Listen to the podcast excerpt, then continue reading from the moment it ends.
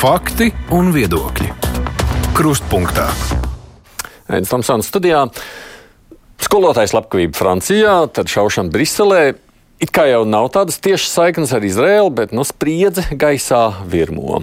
Vācijā vai Francijā gan arī katru dienu kāds saņem spridzināšanas draudus. Viens vīrietis vakar Vācijā arestēts. Mēs dzirdējām pat Latvijā šodien ziņas no Rīgas Traģiņu universitātes par spriedzi tur studentu vidū.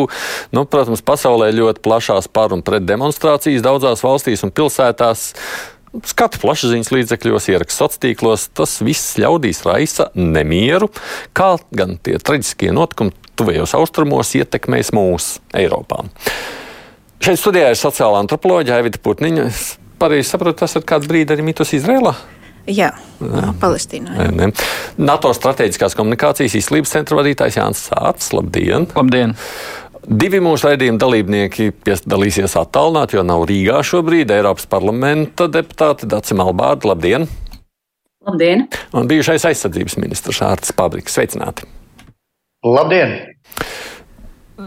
Sākšu varbūt no tādas Eiropas skatu punktu vairāk, pēc tam palūkosimies mazliet arī par situāciju Latvijā. Cik šīs vispār tās ziņas par šaušanu, duršanu, tad, tad tiem daudziem spridzināšanas draudiem Vācijā, Francijā, tad es pieminēju to Vācijā arī arestēto jau, cik tas viss ir saistīts ar notiekošo Izrēlā, kā izskatās Sārtkungs?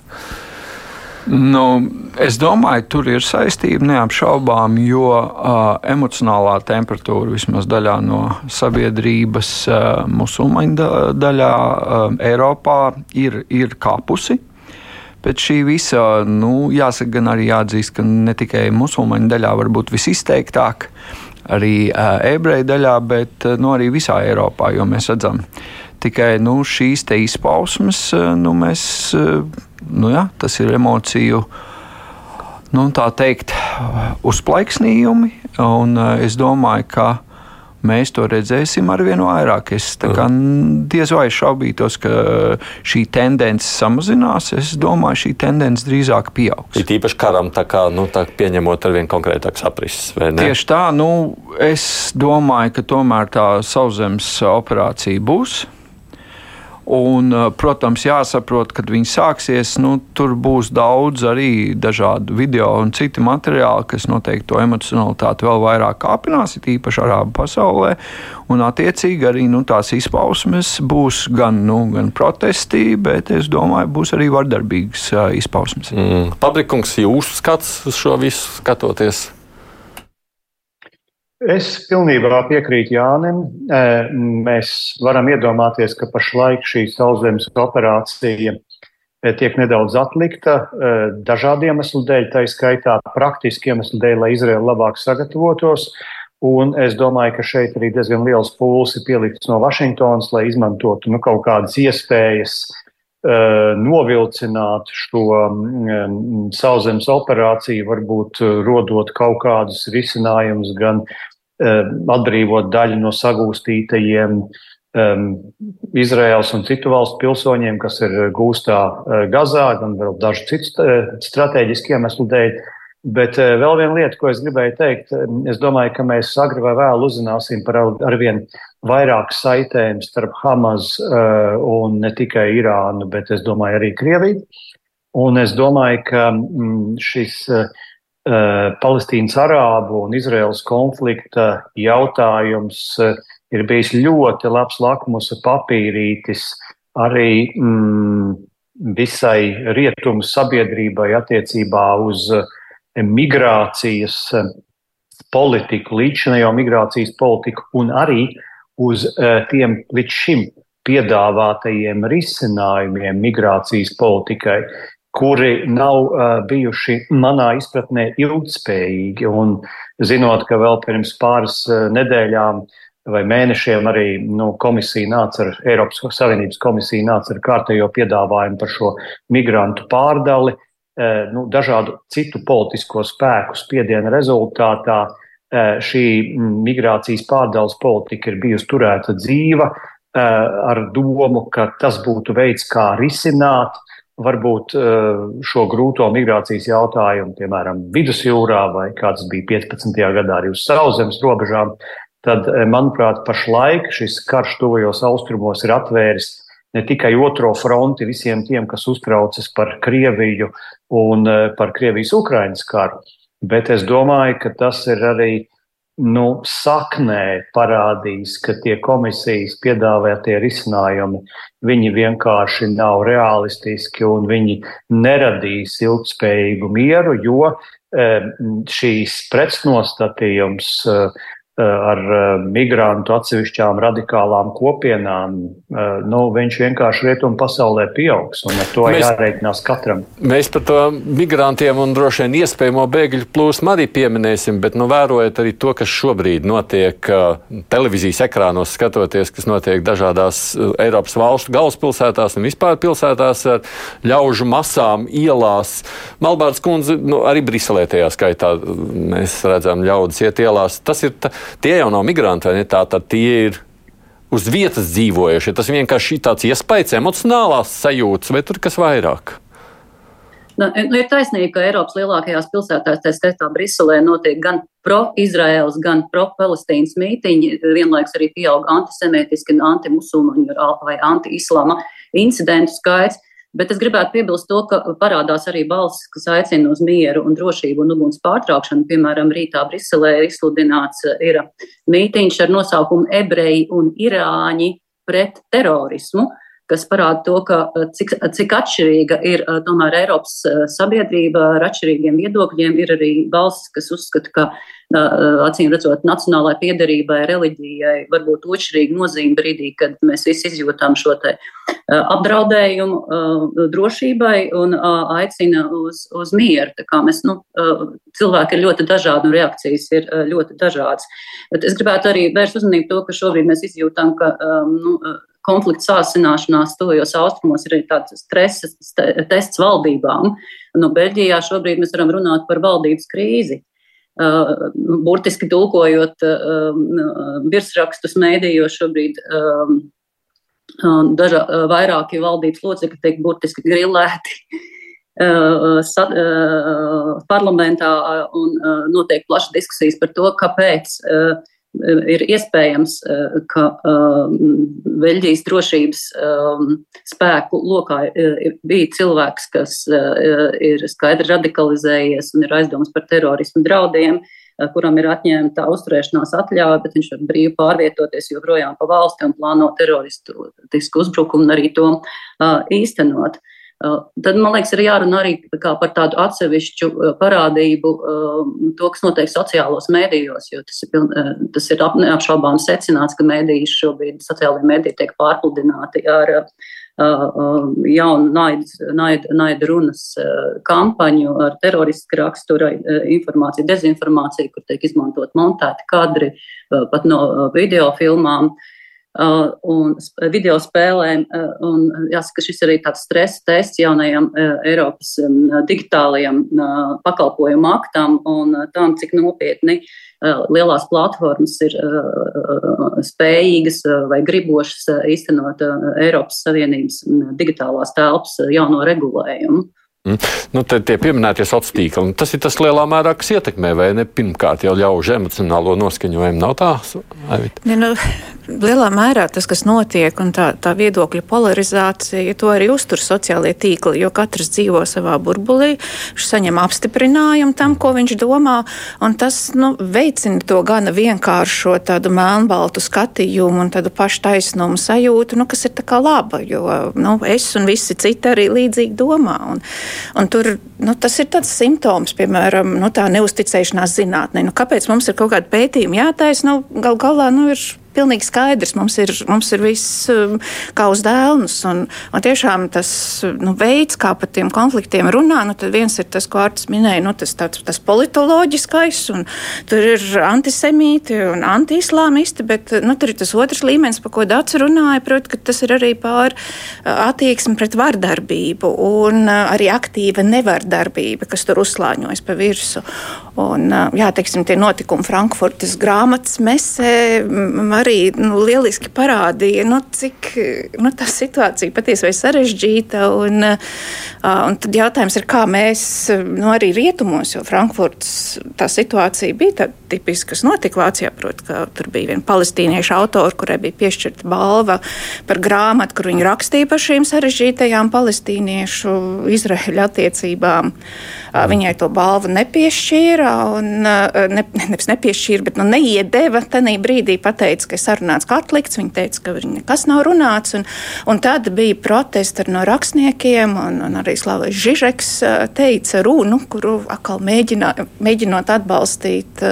Nu, šo, ka mēs nevaram vienkārši paslaucīt zem paklāja un padarīt to situāciju tik ārkārtīgi vienkāršu. Un tad no zāles viens. Uh, uh, Hesas zemes deputāts bļāva un apvainoja viņa relativismā. Protams, nu, ka tur tie slāņi ir tik ārkārtīgi daudz. Bet tie, par tur... tiem slāņiem mazliet skatoties Latvijā, man šķiet, pirms uh, 7. oktobra notikumiem, nu, es drīzāk jūtu tādu antisemītismu piegāršu tajos gan zvanos reizēm, kas atnāca līdz radio, gan sociālos tīklos skatoties. Un, bet nu, tā īsti jau mums tas neskāra, vai mēs tā ļoti nebijām nu, Latvijā šeit izveidojuši kaut kādu savu nostāju. Un tad, man liekas, es tā pēc tā 7. oktobra tā domāju.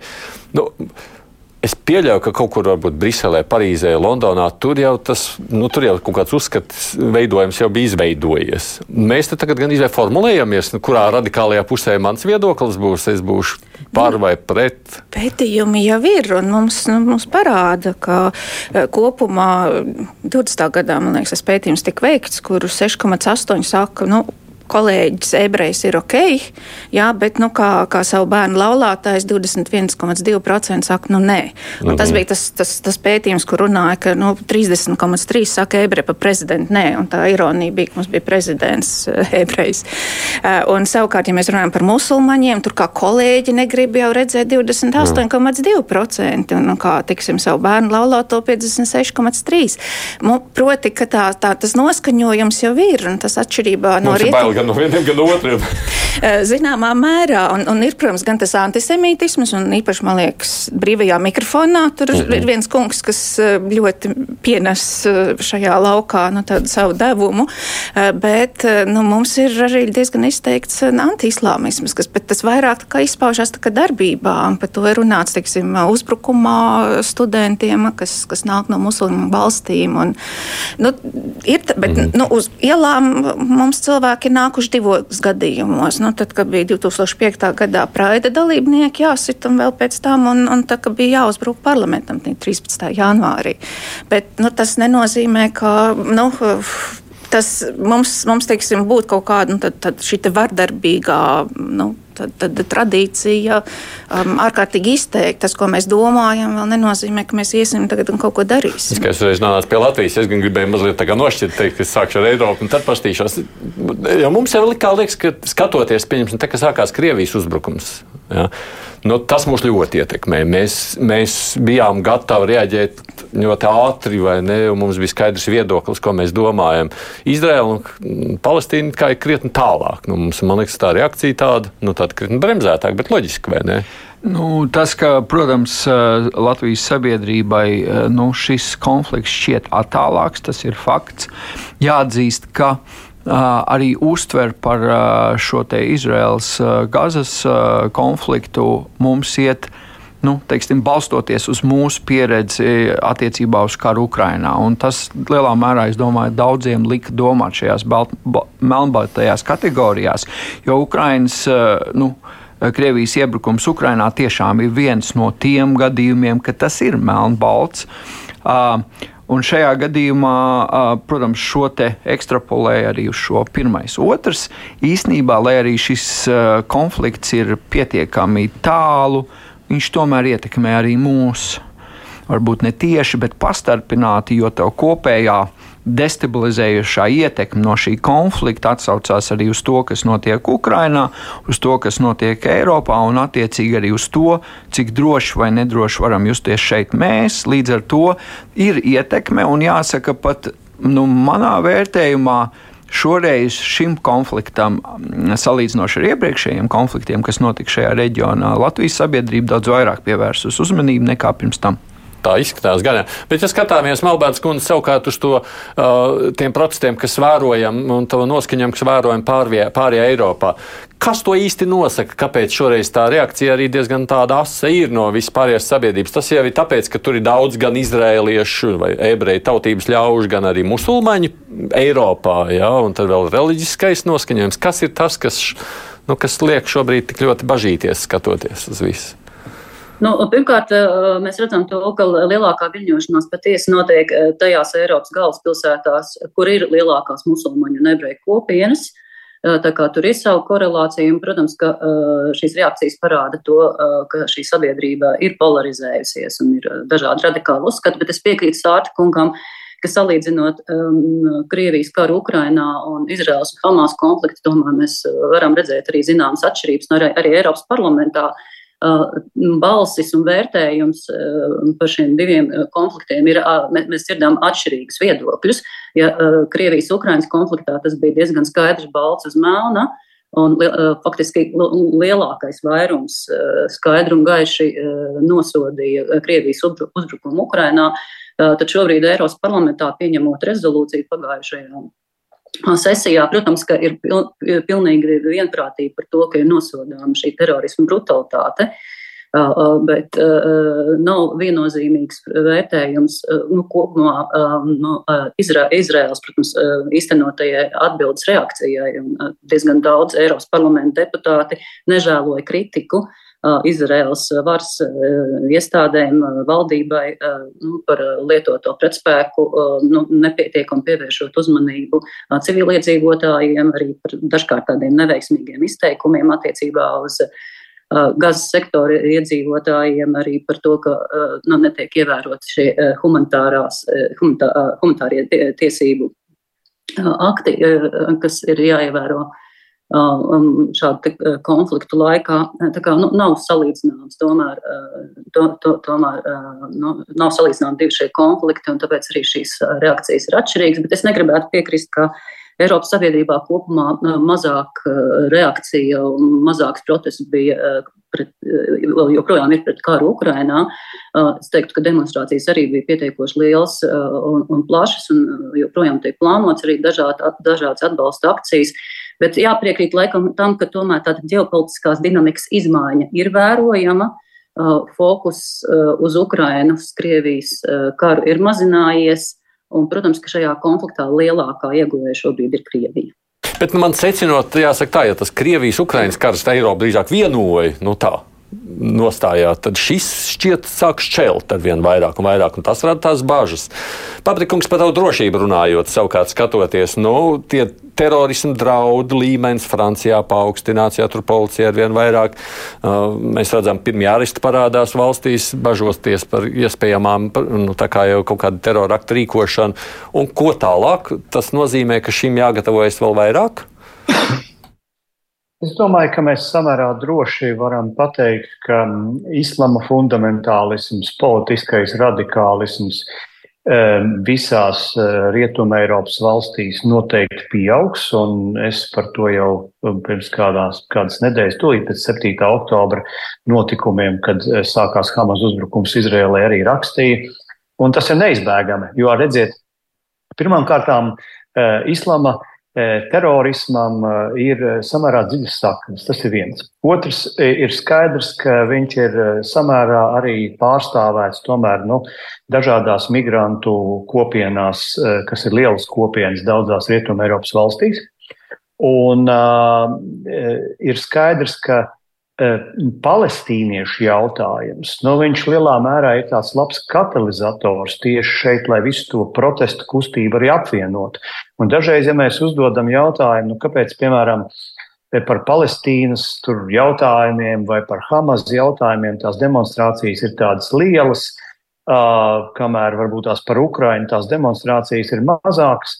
Um, nu, redziet, šeit jau, manuprāt, ir um, tādas samērā dziļas saknes vispār tādiem publiskiem protestiem Rietumē Eiropā, kas sniedzās jau atpakaļ 20. gadsimta 60. un 70. gados, jo tās radikālās kustības, sevišķi kreisās radikālās kustības, piemēram, nu, Rietumvācijā. Nu, mēs zinām, pat tur filmas ir uzņemts, ka e, kreiso, sarkano, varbūt tādas nelielas teroristiskās organizācijas, viņas pat tajā laikā trenējās kopā ar palestīniešiem. Mēs zinām arī, ka e, Padomju Savienība bija vienmēr atbalstoša šāda veida organizācijām, kreisajām organizācijām rietumu pasaulē augstākā laikā.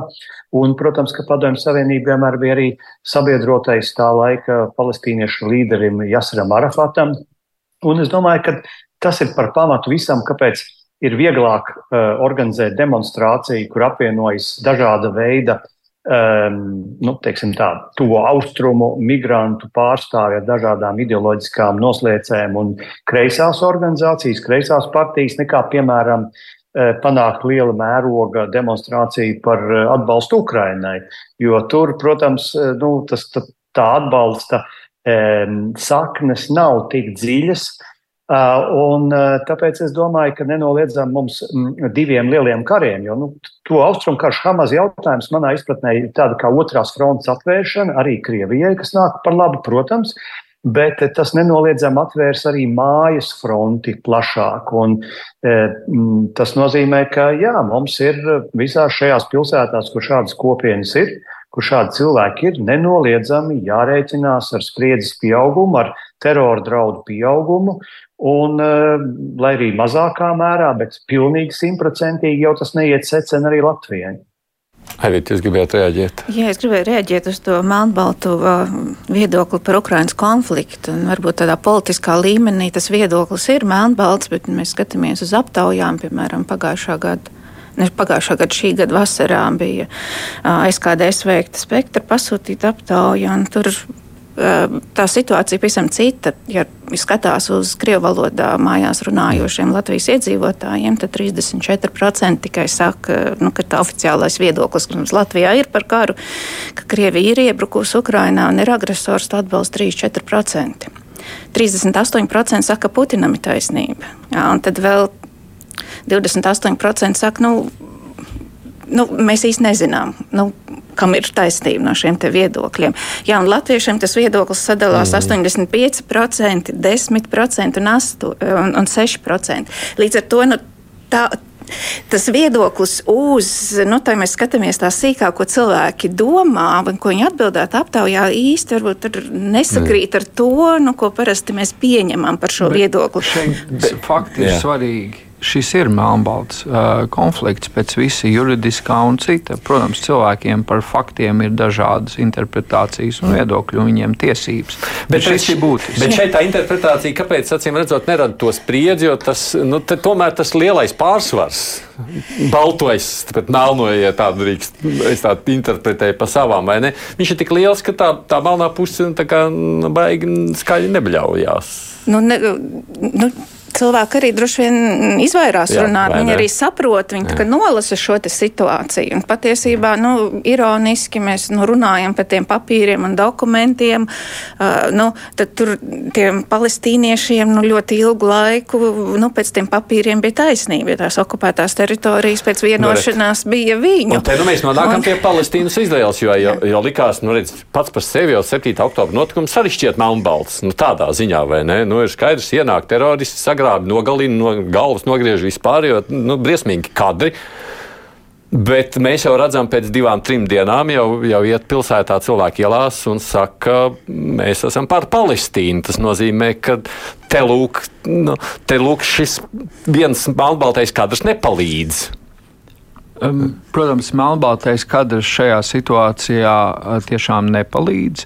Kaut gan pati praktiskā situācija ir tieši tāda, ka Hamas izlika lamats Izrēlai, ar veidu un formu, kā notika šis iebrukums. Ja?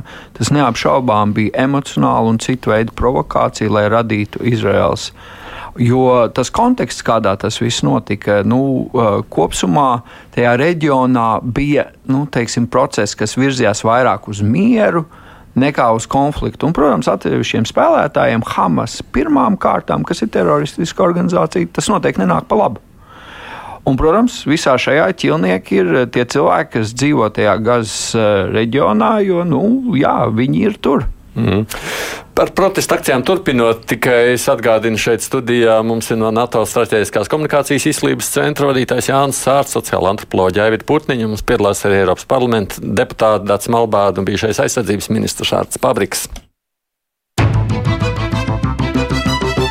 Raidījums Krustpunktā. Bet tās protesta akcijas, un varbūt arī Melbērts kundzei jautājot, nu, es nezinu, jūs redzat sociālos tīklos, tur tie plakāti un izteikumi, kas reizēm parādās no tiem protestētājiem. Nu, Reizēm jāsaka, maigi izsakoties, vienkārši pārsteidz. Tā ir vienkārši daļa no tādas rietumu brīvības, nu, ka mēs tur sakām, Izraēla jānoslaut no zemes virsmas, un jā, tik līdz mēs te būsim vairākums, mēs arī visu Eiropu pārvērtīsim par gāzi un tam līdzīgi. Un ko ar šo? Nu, jā, Rietumē Eiropā attieksme pret vārdu brīvību ir teikt, ļoti plaši interpretējama. Ir valstis, kas vispār uzskata, ka pat digitālo telpu nevajag regulēt un ka tā ir liela kļūda un iejaukšanās. Iejaukšanās vārdu brīvībā mēs zinām arī, ka X platformas īpašniekam Ilonam Maskam arī ir uh, šī ļoti, ļoti liberālā attieksme pret vārdu brīvību. Tā kā, nu, mēs redzam rietumu demokrātijas tradīcijas augu šajā gadījumā, bet es ap to negribētu, protams, demokrātiju kritizēt. Uh, bet acīm redzot, uh, tas, par ko jādomā, ir tomēr par, uh, kopumā par tādu stingrāku vēršanos pret naida runu, jo tomēr vārdu brīvībai ir kaut kādas robežas, un ja tās sāk apdraudēt kop, kopējo drošību, tad šāda vārdu brīvība acīm redzot tomēr nav pieļaujama. Tā skaitā, vai tā ir fiziskā telpa vai digitālā telpa, un tāpēc es arī sākumā minēju to, ka šis ir tāds stresa tests arī Rietumē Eiropas valdībām, kādā veidā nu, pieaugot šiem nu, sabiedrības radikalizācijai, valdība būs spējīga saviem drošības spēkiem atbilstoši reaģēt un apturēt to, jo ir skaidrs, ka negācija vilnis izsauc jaunu negācijas vilni, var novest pie lielākiem konfliktiem. Mm, tā ir vārda brīvībai, bet vai nav? Kad mēs redzam šobrīd. Nu, to mēs zinām, nu, ka tā naida, brīv, tā naida runa ir tā robeža, kur tā, tā, tā tava brīvība beidzās. Tas nu, ir, ir, ir gana skaidri noteikts, un naida runa, starp citu, ir salīdzinoši nu, tāds nesen pamanīts noziegums. Tiksim, tāpēc Latvijā arī mums ir grūtāk pievienot tiksim, nu, tiem aizliegtajiem nodarījumiem klāt vēl to naida aspektu un, un, un kur nu vēl viņu atpazīt. Un, un šis ir nu, viens no tiem veidiem, kā mēs mēģinam risināt. Bet, tādā masās, bet tādās masās, ka tur iziet simts tūkstoši ielā un katrs jau runā kaut ko citu, nu, beig beigās nu, tas jau nav pat pamanāms, kurš ko saka. Tur ir. Nu, tas aspekts, par ko runāt, ka tie cilvēki runā, ka nu, mēs skatāmies uz to vardarbību, nu, nevis tikai, nu, kurā pusē un kādus saukļus mēs izkliedzam, bet nu, tas, mēs redzam, ka tā vardarbība, nu, tā seja ir vienāda, saukļi atšķirās. Un mm. kādā veidā tad mēs varam nu, apturēt to, jo tas, ko gan Hamas izdarīja, nu, Uh, nu, tas, tas ir prātām neaptverami, bet tas, tas nenozīmē, ka nu, mēs ar šādu pat nu, rīcību varam kaut ko, nu, tas parāda, cik liels ir šīs vardarbības nu, postošās sekas. Un tas, kā tas iešūpo tos notikumus ne tikai tur uz vietas, bet arī visā Eiropā. Un tad, un tas palīdz cilvēkiem arī radikalizēties un polarizēties un ieņemt šo savu nostāju un apstiprināt viņu. Jā, bet nu, šajā gadījumā, labi, e, ko tad var tāda Izraels valdība darīt iepratim šādam rīcībai no Hamas puses? Vai var pateikt, nu, mēs nekādā veidā neatbildēsim, mēs mēģināsim turpināt mieru procesu. Tā ir demokrātiska valsts. Tu būsi nākamā dienā ārā no, no savas amata. Šeit ir viņiem pienākums, valstī, Izraels valstī, pienākums no. nodrošināt savu pilsoņu drošību. Tas, kur ir tā problēma, ka tas solis, lai to realizētu, skar ne tikai teroristus, bet arī vietējos iedzīvotājus. Un tur arī bieži vien tās līnijas nav vienkārši noteiktas, bet jāsaprot, ka nu, nav šī pasaule tāda, ka uz vienu vaigu uh, pagriežot otru vaigu, tu apturēsi to vardarbību. Bet, ja tā pieminām kaut vai par to pašu reakciju, un tas jau vies, ir tiek spēlēts uz visu pārējo publiku pasaulē, nu, pieņemsim, nu, tad ir notikusi, tur bija tas spridzināšana pie slimnīcas, atceramies, uh, par ko tur sākumā aizgāja baigā informācija plašsaziņas līdzekļos. Un tad mēs redzam, tajā pašā vakarā, vai neatceros, vai nākamajā rītā, tad, tad stāv, ir sarīkota preses konferences. It kā pie slimnīcas, nu, tā tad sagrautās slimnīcas, kur stāv cilvēki ārsta tērpos. Ar bērniem asiņojošiem uz rokām nevis sniedz palīdzību, bet sniedz preses konferences ar mēģinājumu ietekmēt sabiedrisko domu, lūk, kaut kādā veidā, Jā. nu, proti, tur taču ir darbs uz šo. Protams, protams nu, tur atkal ir svarīgi nu, teiksim, novilkt to starpību starp to, ka nu, šeit ir tas konflikts vienā pusē ir demokrātiski pārvaldīta sistēma, otrā viņa tāda nav. Uh, un līdz ar to tie kontrols mehānismi gluži nav tie paši, un arī tas, uz ko tas mēģina ietekmēt rietumu sabiedrību. Ja?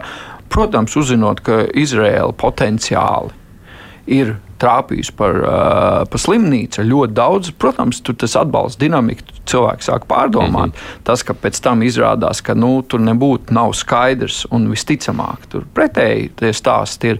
Nu, tas jau pēc tam tikai atnāk, un līdz ar to jāsaprot, ka tajā Hamas pārvaldītajā sistēmā šie demokrātiski kontrols uh, mehānismi principā neeksistē. Viņu nav. Vienkārši man ir tāda sajūta, ka šobrīd paralēli, kur mēs redzam militārajā saļā, mēs redzam otru kā informatīvajā laukā, kur Izraela mēģina kaut kādā veidā sevi, nu, tā kā, nu, mēs jau, mums jau nav cita tā militārā konflikta, tikai viņa atspoguļojums. Un tas, kas, nu, kā mans kolēģis teica, nu, mēs patērējam traumu tajā, nu, skatoties uh -huh. Ukrainas karu, un mēs tagad patērējam traumu, skatoties arī to, kas notiek Izrēlā, Palestīnā.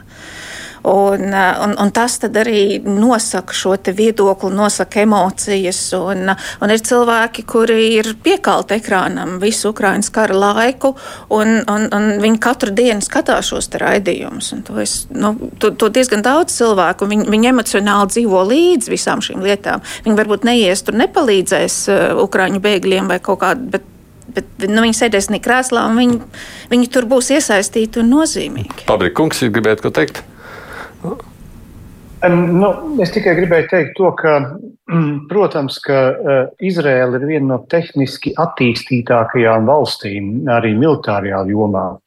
Un uh, es domāju, ka Izraela, uh, ja mēs salīdzinām, piemēram, Izraelu ar Krieviju, tad Izraela izdara ļoti daudz, lai tiešām pēc iespējas mazāk civiliedzīvotāji ciestu šajā gazas sektorā. Nu, mēs neesam piedzīvojuši situāciju, ka Krievija, piemēram, brīdinātu kādu bērnu namu, dzemdību namu, mm, hospitāli vai skolu, ka tur drīz lidos kāda raķete. Izrēlieši to dara.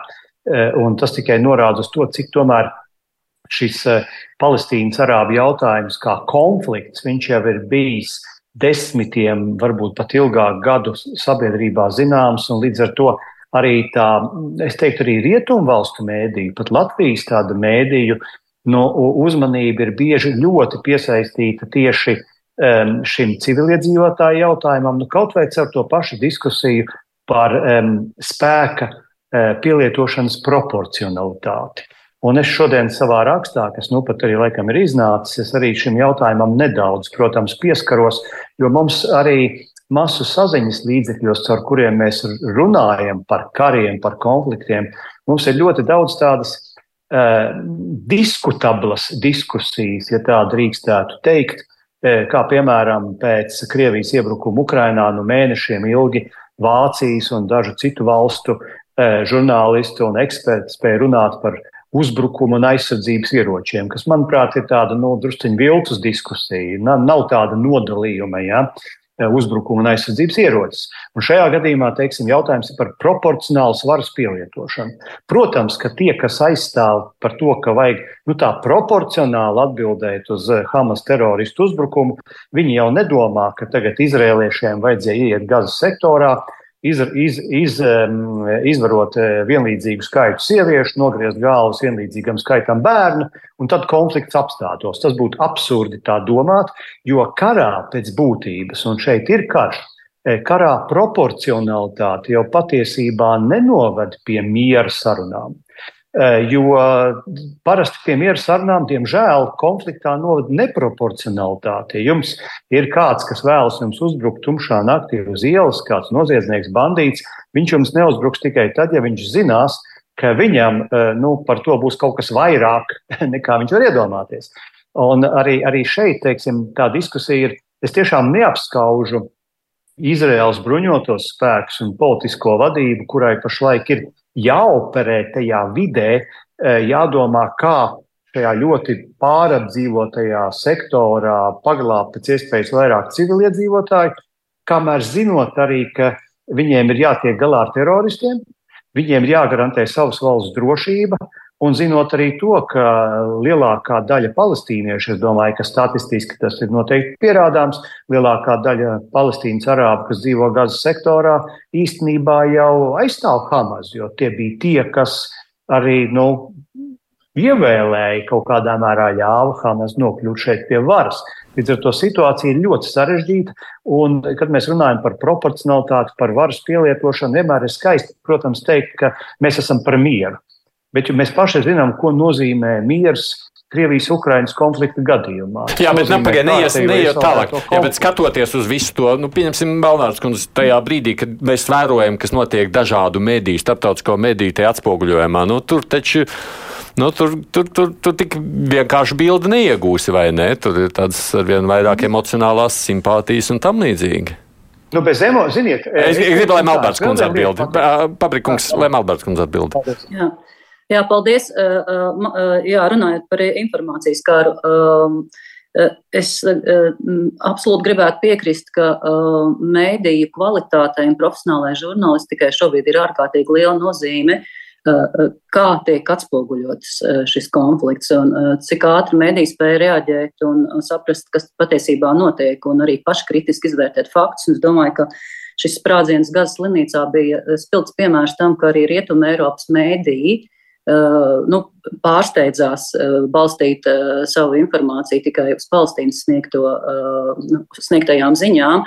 Tad parādījās nu, tas, ko mēs latvieši sakam, izliet ūdeni neizsmelsi. Uh, ka pirmā informācija bija izgājusi, un pēc tam visi tie mēģinājumi teikt, nu, īstenībā, laikam, jo tur tā nebija, tur varbūt bija kaut kā citādāk, un uh, varbūt vispār nebija raķete, bet bija kāds iekšējs sprādziens, un nebija sim, uh, sim, simtiem upuru, bet simts, ja tam vairs nebija īstenībā nozīmes. Tā kā, jā, šobrīd ir ārkārtīgi liela nozīme tam, uh, kā strādā mēdīji, un mēs tikai atkal varam diskutēt par to, kopumā Eiropas mēdīja telpa ir novājināta un, un, un cik ārkārtīgi svarīgi šobrīd ir atbalstīt nu, mēdīju daudzveidību, kvalitīvas mēdījas, aizsargāt žurnālistus un tam līdzīgi. Nu, jā, nu, mēs jau droši vien redzēsim nevienu nākušajās dienās emocionālos kadrus, kas ir speciāli piespēlēti vai nesacīt tīklos, interneta vidē. Jā, kas ir interesanti salīdzinot ar uh, kara sākumu, pilnā mēroga kara sākumu Ukrainā, digitālās dezinformācijas ir krietni vairāk nekā mm. tas bija tad, un tiešām viņu nu, teiksim, izplata ļoti dažādi spēlētāji, gan ar interesi pašā konfliktā, gan arī gluži brutāli mēģinājumu peļņu iegūt uz šo visu. Un līdz ar to Plus vēl nu, atsevišķi no sociālajiem tīkliem kļuvuši krietni vājāki šīs dezinformācijas izķeršanā, un līdz ar to jā, ir ārkārtīgi grūti šobrīd graudus no pelavām atšķirt, un tas prasa krietnu laiku. Un, jā, mums būs tās situācijas, es domāju, šis slimnīcas gadījums vēl vairāk pierādīja ka tas strādā, tam ir efekts, tā kā mēs to redzēsim. Es arī domāju, kā tas noskaņojums parādīsies mūsu pašu vidū. Te parādījās nu, īsi pirms raidījuma. Man liekas, es Twitterī pamanīju kaut kāds pāris stundas pirms raidījuma, kad uh, Straļņu universitātē tur tātad uh, ebreju studenti saņem draudus no musulmeņu studentiem, sakot, kas nozīmē, ka mums tā spriedze arī kaut kur sāk, sāk līst ārā. Tikai, no acīm redzot, mums varbūt tās, tā kopiena nav tik liela. Cik mums par šo būtu jāraizējas, kas notiek mūsu pašu vidū. Es nezinu, vai kāds no jums var par šo izteikties. Es domāju, šeit jābūt eh, tiešām stingri, stingri nolikt, eh, novilktē līnijai, ka viedokļu paušana un savukārt eh, draudi, jeb vardarbība pret pretējās puses teiksim, viedokli ir tas, kur ļoti asi un ātri jāiejaucās. Jo mums, paldies Dievam, protams, nav tāda situācija kā daudzās citās Eiropas valstīs, bet mēs, teiksim tā, nedarot pietiekami labi šo preventīvo darbu un aktīvo teiksim, iejaukšanās darbu, mēs viņu varam nu, radīt sprādzienu bīstamāk nekā nepieciešams. Es ieteiktu šobrīd maksimāli skaidru un pašā sākumā apcirst saknē, lai visas iesaistītās puses saprot, ka šāda veida rīcība būs ar sekām. Kas nozīmē, ka ziņai, ko mēs parādījām šīs dienas laikā, nu, tā ir jābūt. Tā nevar vienkārši tā pazust kaut kur, vai ne? Es domāju, turpat tas nebūtu tāds Twitter tiesa un turpat draudus nevajag. Jā, jā. Nu, bet, kā izglītības ministrija arī jau izrādīs interesi par to, kas tur jā, notiek. Nu, tur, nu, un, un tā ir naida runa. Nu, ja kaut kas tāds ir bijis un, un tas ir pretrunā gan iekšējam regulējumam universitātē visticamāk, gan arī visur citur. Un, un jāsaka, ka tā nav kaut kāda nu, simptomātiska lieta. Mums tā ir sagadījies, ka sākās Ukrainas karš. Mums programmā bija Ukrainas students un saņēma atbalstu, ka Somālijā pilsoņu karš sākās. Mums bija Somālijas students, bet to neviens īsti vispār tas, tas neskāra Eiropu. Un tagad mums ir Izraels studenti kurai nu, atkal ir vajadzīgs atbalsts. Mm. Tāpēc, tas var būt. Nu, man ir varbūt labāka pozīcija, nu, ka es redzu, ka tie, tie studenti nu, var saprast viens, un mums ir arī musulmaņu studenti. Un, bet nu, tas, ka tu veido kaut kādus nu, te, nu, savstarpējo attiecību kritērijus, un ir, ir kaut kādi noteikumi. Nu, kuriem tu paļauji. Un, Nu, un kas tev, nu, tev tas otrais cilvēks un viņa labklājība interesē? Un skaidrs, ka nu, mēs varam teikt, jā, nu, vardarbību mēs varam atrisināt ar vardarbību, bet nu, tas ir tāds nu, īstermiņa risinājums, jo tā situācija jau nu, tik un tā paliks turpināt būt uh, sprādzienu bīstama. Pabrikungs, jūs pieminējāt to migrācijas tematiku raidījuma sākumā. Nu, viena no lietām, kas neapšaubām parādās bažu kontekstā nākotnē skatoties, vai mēs negaidām vēl viens migrācijas vilnis, tajā skaitā arī no Palestīnas. Cik tad ir šīs lietas mums tiešām šobrīd uzmanības vērts? Nu, es domāju, ka migrācija vienmēr pasaulē ir bijusi un būs. Un jebkura kara darbība, jebkura nedrošība rada papildus migrācijas viļņus. Um, bet uh, tas nebūtu nenozīmē, ka uh, Eiropa, piemēram, ir e, vienīgais mērķis e, vai vienīgā vieta, kurai vajadzētu par e, visu šo migrāciju parūpēties. Nu, mēs zinām arī kaut vai pēdējos Eģiptes valdības izteikumus, un tas pats attiecās uz Jordānu. Tur, protams, viņiem ir ļoti stingra pozīcija. Viņi patiesībā negrib pieņemt nevienu palestīnas arābu bēgli vairāku iemeslu dēļ. Es varu nosaukt kaut vai tikai divus. Nu, viens ir, ka, piemēram, tajā pašā Eģiptē pašlaik ir ļoti negatīva nostāja pret eh, tā saucamo musulmaņu brālību, kas arī ir radikāla teroristiska organizācija, kas nāca pie varas eh, tā saucamās Arābu revolūcijas laikā nu, un ilgu, ilgu mūžu nepiedzīvoja. Eh, un, protams, ka viņi nevēlas savā teritorijā redzēt ar Hamas asociētus cilvēkus.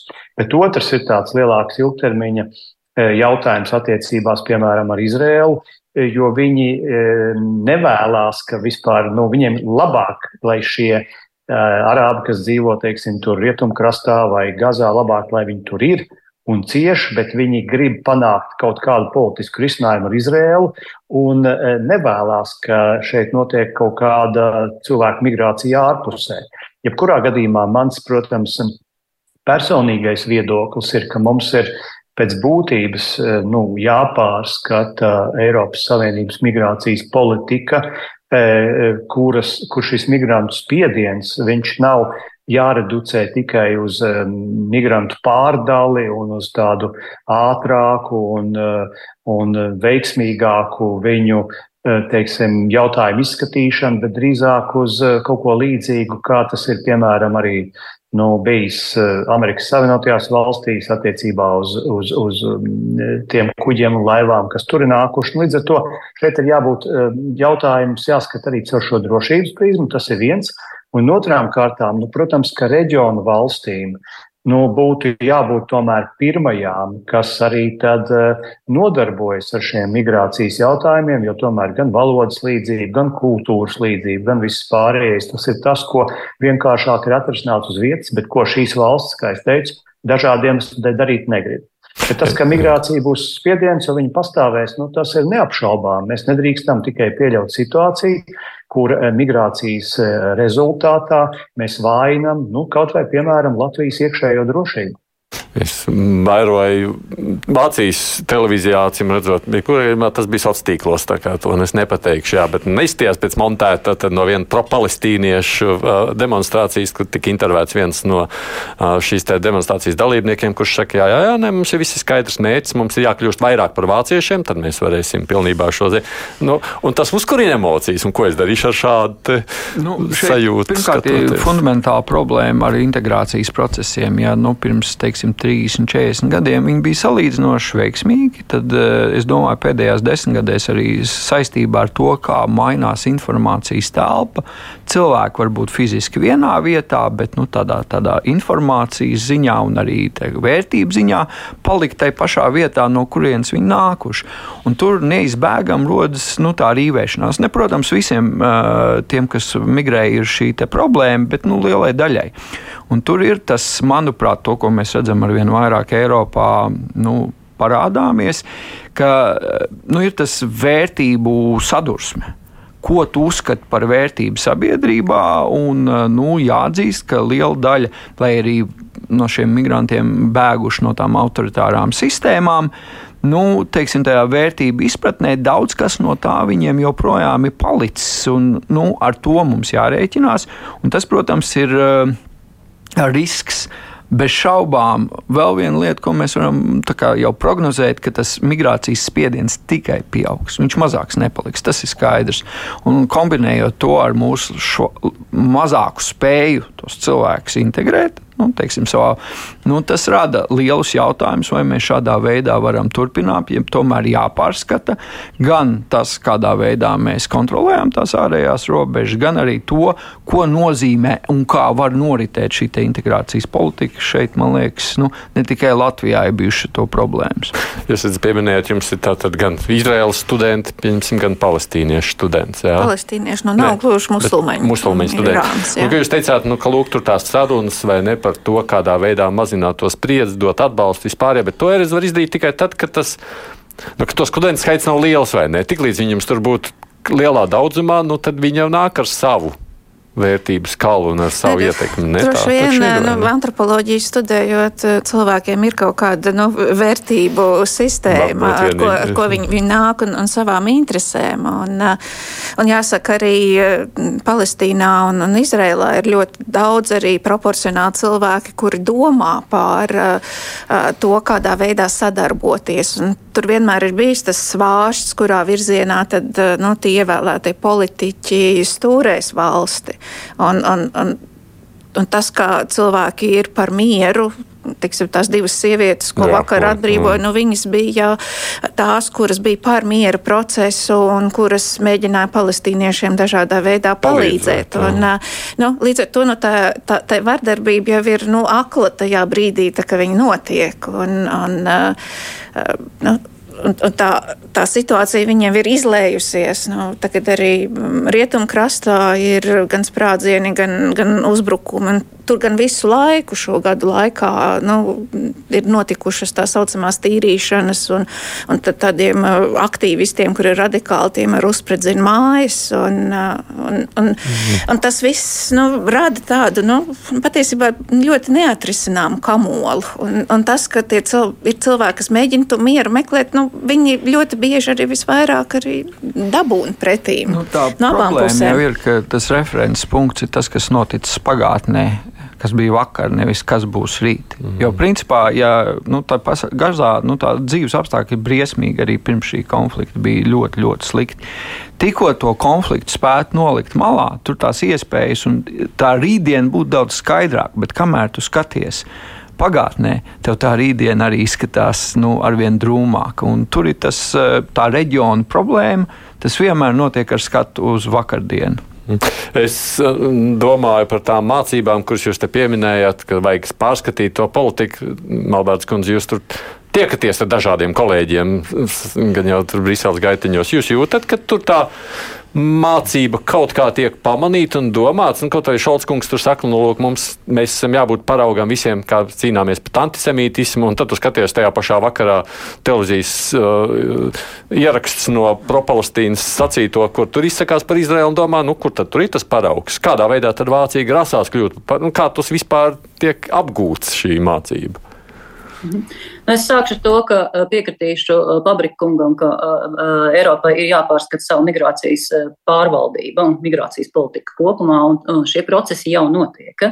Ja mēs paskatāmies atpakaļ, Eiropas komisijas prezidenta Fonderleina, kad teica tikko savu runu par Eiro, Eiropas saimnības stāvokli, tad pieskārās šim jautājumam par migrācijas pārvaldību, un šajā runā parādījās jau šie akcentu maiņi par to, ka ir jāpievērš lielāka uzmanība migrācijas cēloņiem, nevis cīņām ar sekām. Eh, ka ir daudz stingrāk jākontrolē eh, migrācijas plūsma. Ir jāatzīst fakts, ka migrācija tiek instrumentalizēta gan no Krievijas, Baltkrievijas puses, gan no eh, teroristisku organizāciju puses. Ir daudz uh, stingrāk dalību valstīm uh, jāpār, uh, nu, jākontrolē tā informācija, kas viņu rīcībā ir jāapmainās šo informāciju, jāveido datu bāzes un daudz stingrāk ir jāīsteno tā saucamā atgriešanas politika. Uh, un uh, kas ir arī būtiski, ka ir uh, kopā ar citiem starptautiskiem partneriem jāuzsāk cīņa pret cilvēku tirzniecību, cilvēku nelegālu pārvadāšanu, un kas man arī liekas nu, pareizi pieeja, ka ir jāveido pastāvīgs dialogs ar Āfrikas valstīm, kas ir viena no migrācijas izcelsmes vietām un jāmēģina veidot tādu ilgtermiņu palīdzības programmu Āfrikai, kas nu, tomēr palīdz šiem cilvēkiem palikt viņu mītnes vietās, nevis doties plašajā pasaulē. Un, man liekas, ka domājot par Latviju, nu, mums arī ir, ir jāatzīst tas, ka acīm redzot, ka ir kaut kādas robežas, cik tālu cilvēks var integrēt. Un tajā brīdī, kad mēs pieņemam lēmumus par to, Eh, kuriem cilvēkiem mēs, mēs dodam uzturēšanās atļaus eh, pilsonību, eh, teikt, kļūt par Latvijas pilsoņiem, mums arī ir jābūt stingriem nosacījumiem, uz kādiem noteikumiem tas notiek. Nu, droši vien, ka skatoties kopumā uz situāciju, man jāsaka, nu, varbūt mums Latvijai tā labā ziņa ir tādā, tāda, ka nu, mēs varam mazliet mācīties laicīgāk no tām citu valstu kļūdām un nepieļaut to, ko viņi ir paspējuši jau iepriekšējos gadu desmitos sastrādāt. Varbūt tādā ziņā mums tā mazliet atpalicība nākus mums pašiem par labu, bet, ja es pabeidzu, vienkārši mans secinājums klausoties jūsos spriedzi augsts terorisma līmeņa draudi mums augs. Un mierīgi nebūs nākošajās nedēļās, pilnīgi noteikti. Un, protams, ka es domāju, visu, ko mēs laikam redzam un lasām sociālos tīklos, tagad nākošajās dienās, ir īpaši, ja sāksies šī sauszemes operācija, tur jābūt ļoti uzmanīgiem, dalot visu ar vairāk nekā divi. Uh, NATO strateģiskās komunikācijas izglītības centra vadītājs Jānis Sārts, sociāla antropoloģija Evita Putniņa, Eiropas parlamenta deputāta Dats Malbārda, bijušais aizsardzības ministrs Šārts Pabriks. Paldies jums par piedalīšanos šīs dienas raidījumā. Mēs uh, rīt, uh, nē, droši vien jāpiemina uzreiz šīs dienas raidījums Latvijas radio viens sētrā pēc stundas, kad būs raidījums divas puslodes. Par starptautiskiem notikumiem mēs turpināsim sekot un, protams, vairāk analizēt tieši ziņas no Izraels un Gazas sektora. Tad tur plašāk arī par to, kas šobrīd notiek, bet man jāpiebilst, ka mēs mēs atļausimies arī laiku veltīt diviem citiem tematiem. Mazliet runāsim gan par Azerbaidžānas rīkotajām militārajām mācībām pie Armēnijas robežām, cik tur ir pamatots tās bažas, ka Azerbaidžāna grib turpināt karu, paņemt vēl kādu daļu no Armēnijas teritorijas sev. Palūkosimies mazliet par kaislībām ASV kongresā, kur viņi nespēja nekādu pie spīkera tikt. Tas viss pēc trījiem Latvijas raidījā viens viļņos. Rīt savukārt kruspunktā studijā būs iespēja izvaicāt šeit jauno ekonomikas ministru Viktoru Balainu. Viņš atbildēs uz žurnālistu un klausītāju jautājumiem tiešraidē. Kruspunktā tagad izskan producēja to Ievzeiza, studijā savukārt vadīju es Aidis Tomsons.